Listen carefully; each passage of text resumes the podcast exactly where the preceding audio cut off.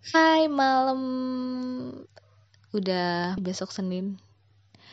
Dan biasanya bikin orang bete sih Kalau malam Senin itu. Paling enak tuh malam Sabtu sama malam Minggu. Kalau malam Senin Nyebelin banget. Gue juga ngerasain kok. Udah lama banget gak bikin episode baru Terakhir kemarin Soal insecure ya Insecurity. Nah kenapa gue sekarang bikin lagi? Ya emang lagi ada waktu terus gue mau ngebahas soal sesuatu. Jadi gini guys lo pernah nggak eh, ngerasa uh, lingkungan lo tuh toksik banget lah? Toksik itu gimana ya? Intinya lo nggak suka dan nggak tahan di lingkungan lo. Jadi lo pengen banget nih pindah di lingkungan lo itu. Cuman masalahnya Uh, tergantung konteks bisa ditinggal apa enggak gitu loh. Sometimes kalau misalnya cuman sekedar lingkungan pertemanan, lo bisa ninggalin lingkungan lo itu, bisa pindah ke lingkungan pertemanan yang lain. Kalaupun organisasi, lo bisa pindah organisasi ataupun kalau misalnya lo nggak tahan di sebuah kos-kosan gitu kan lo bisa pindah kosan itu hal yang bisa ditinggal. Cuman ada beberapa situasi yang nggak memungkinkan lo buat ninggalin hal itu. Misal nih lo butuh duit eh, lo kerja lo nggak bisa nih ninggalin. Pada akhirnya meninggalkan sebuah lingkungan yang nggak lo suka itu adalah bukan ini bukan jalan keluar buat semua orang. Ada situasi ketika kita emang nggak bisa milih buat pergi atau enggak gitu loh. Mau nggak mau kita harus stay di situ karena tanggung jawab atau apa gitu kan. Dan pada akhirnya kita cuman bisa ya ngebolak balikin hati ngebolak balikin otak supaya bahagia lo itu nggak tergantung sama tingkah laku atau sikap orang lain manusia emang kayak gitu sih ya setahu gue gitu loh. Mereka akan dengan gampangnya melihat kekurangan di orang lain tapi bakalan susah banget kalau misalnya ngelihat kekurangan di diri sendiri. Itu bahkan gue mungkin juga kayak gitu. Ya kita nggak bisa sama sekali untuk mengubah orang lain itu. Ada orang yang open minded ketika dia itu di di komen orang soal kekurangannya dia. Kalau misalnya ya emang itu kekurangannya dia dan itu benar. Ya dia nerima dan dia mau coba berusaha untuk mengubah kekurangannya dia itu. Tapi ada beberapa orang yang emang kaku banget loh dan gak mau tahu. Karena dia ngerasa udah benar dia akan mengeluarkan pernyataan-pernyataan baru yang mendukung bahwa dia itu benar gitu oke okay lah kalau misalnya lo berada di lingkungan orang yang open minded ya otomatis uh, lo bisa ngungkapin pendapat lo itu. Cuman uh, ketika lo berada di orang-orang yang kaku yang susah gitu lo buat ngedengerin pendapat orang lain pada akhirnya lo ya harus membuang ekspektasi lo untuk mengubah pola pikir mereka. Jadi gini seperti yang gue bilang tadi uh, lo berusaha sebaik apa pun, berusaha sekeras apa pun, akan ada selalu celah untuk dikomentarin. Itu sih yang gue tahu. Karena sometimes nih ya, gue sering banget berada di lingkungan orang yang misal nih ya ada lima orang, si A, si B, si C, si D, sama si E.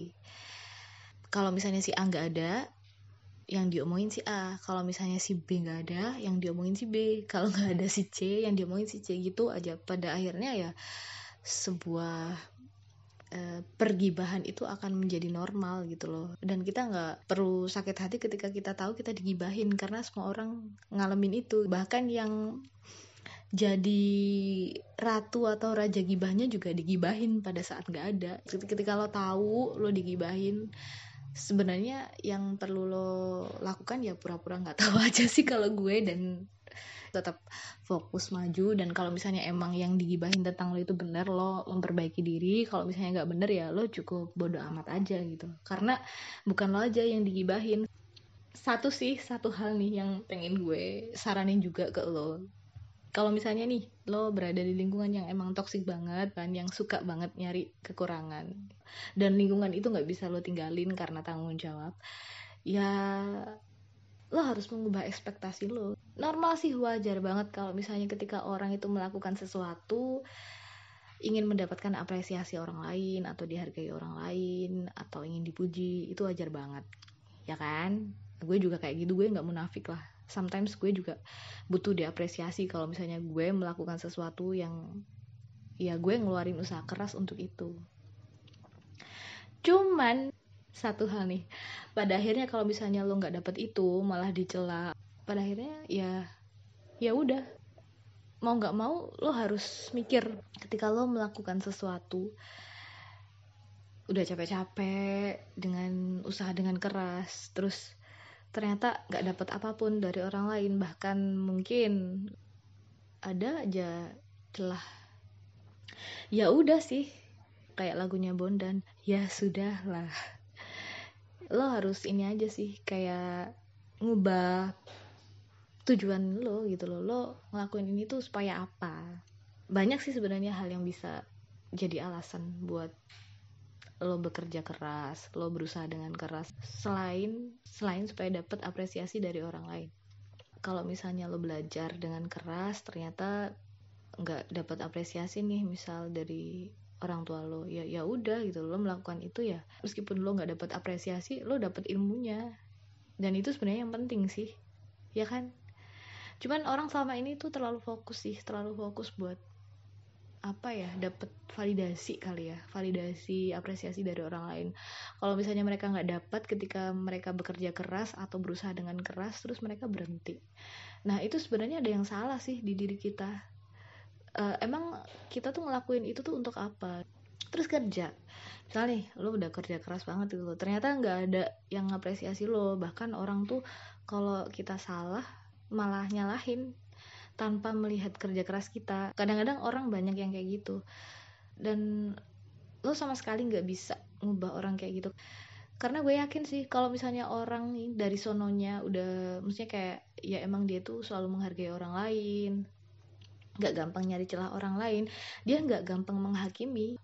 Tapi kalau misalnya lo lihat orang yang suka banget menghakimi udah bisa diambil kesimpulan jadi lo nggak bisa ngubah. Ya emang orangnya kak. Jadi ketika lo melakukan sesuatu hal itu dengan keras terus orang lain selalu aja bisa nyari kekurangan lo sudah bisa disimpulkan bahwa dia tipe orang yang suka menghakimi. Karena orang yang biasanya suka menghakimi itu udah merasa dirinya paling benar. Jadi ketika orang lain komentar ya dia nggak akan mengakui hal itu. Dia akan selalu mencari statement yang menunjukkan bahwa dia itu benar. Seperti itu.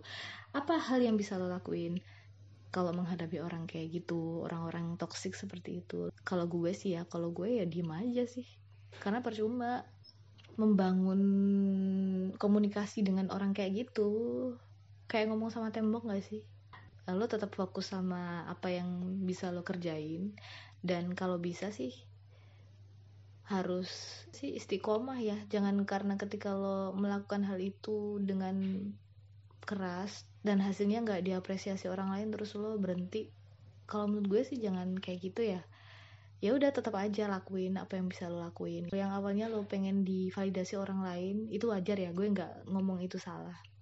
Mau nggak mau lo harus mikir ketika lo melakukan sesuatu itu dengan baik ya berusaha maksudnya mengerahkan segala usaha yaitu memang hal yang benar buat yang kerja yaitu untuk menghalalkan ga, setiap gaji yang lo terima setiap bulannya itu.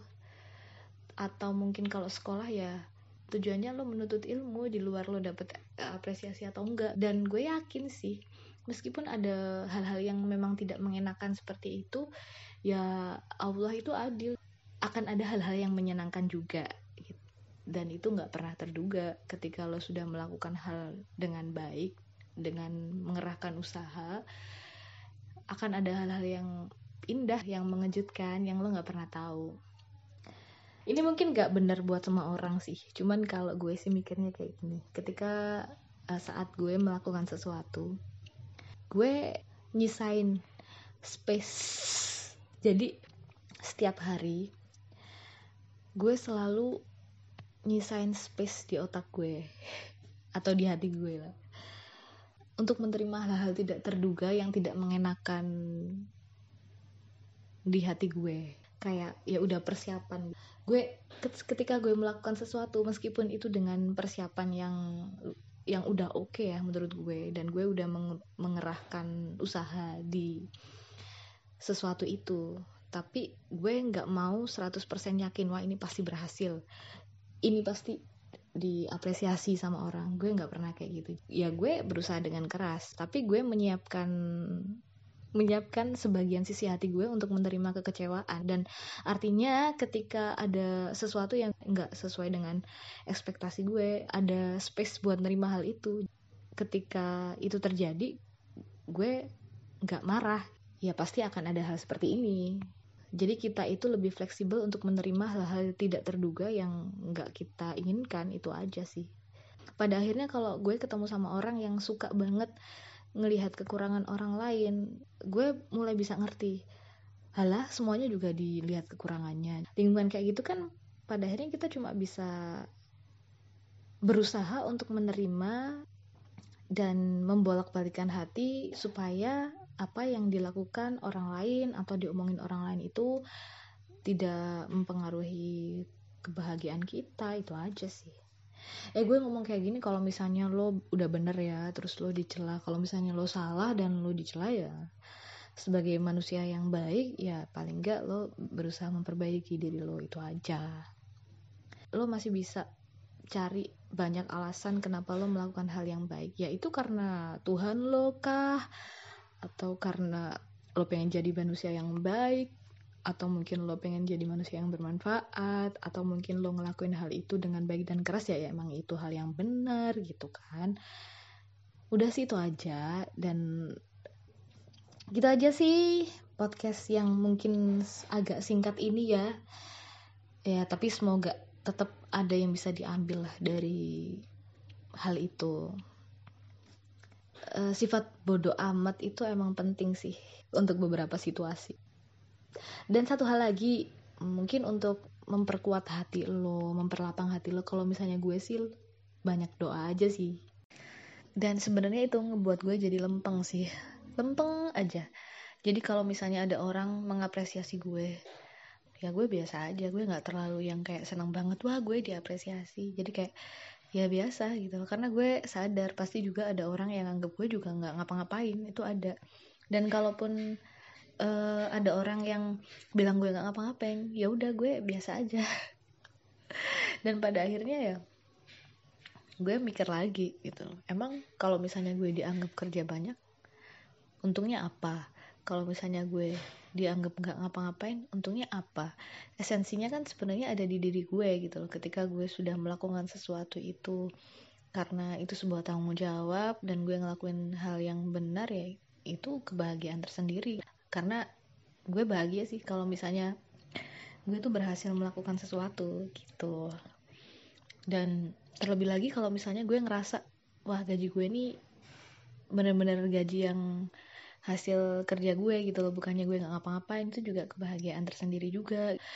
Entah itu kerja entah itu belajar hitungannya itu juga ibadah. Ibadah tuh nggak melulu yang soal duduk di masjid terus sholat ya itu ibadah juga. Maksudnya nggak selalu yang bisa dibilang ibadah tuh yang kayak gitu-gitu. Ketika di luar sholat di luar ngaji setiap hal yang kita lakukan itu kan bagian dari yang diperhitungkan bagian dari ibadah kerja juga ibadah terus bagi yang sekolah belajar juga ibadah main sama temen kalau misalnya uh, ngomongin hal-hal yang bermanfaat juga bisa dibilang ibadah kan nolong orang lain juga ibadah gitu gak sih? Ya kan? Jadi ya gue lempeng aja sih. Hasilnya kayak gitu. Nggak terlalu senang sama pujian dan nggak terlalu sedih juga karena cacian. Jadinya ya biasa aja. Dan gue anggap orang-orang yang cuman sekedar komentar gue baik dan enggak ya itu cuman ibaratnya iklan aja sih di hidup gue. Yang penting ya kita jadi orang baik itu aja. Udah sih gitu aja. Dan itu kayak ngebuat hidup gue lebih ayam aja. Lebih fokus ke keluarga terus teman-teman yang support dan apa ya dan mungkin suatu saat nanti ada lah orang yang jadi prioritas gue. Jadi itu aja sih ya yang pengen gue omongin. Harapannya sih supaya bisa bermanfaat untuk kalian yang dengerin. Uh, cuman mau ngucapin selamat tidur aja. Bagi yang udah tidur semoga mimpi indah. Dan bagi yang belum tidur boleh banget dengerin podcast aku sebelumnya. Dan sesudahnya terima kasih. Selamat malam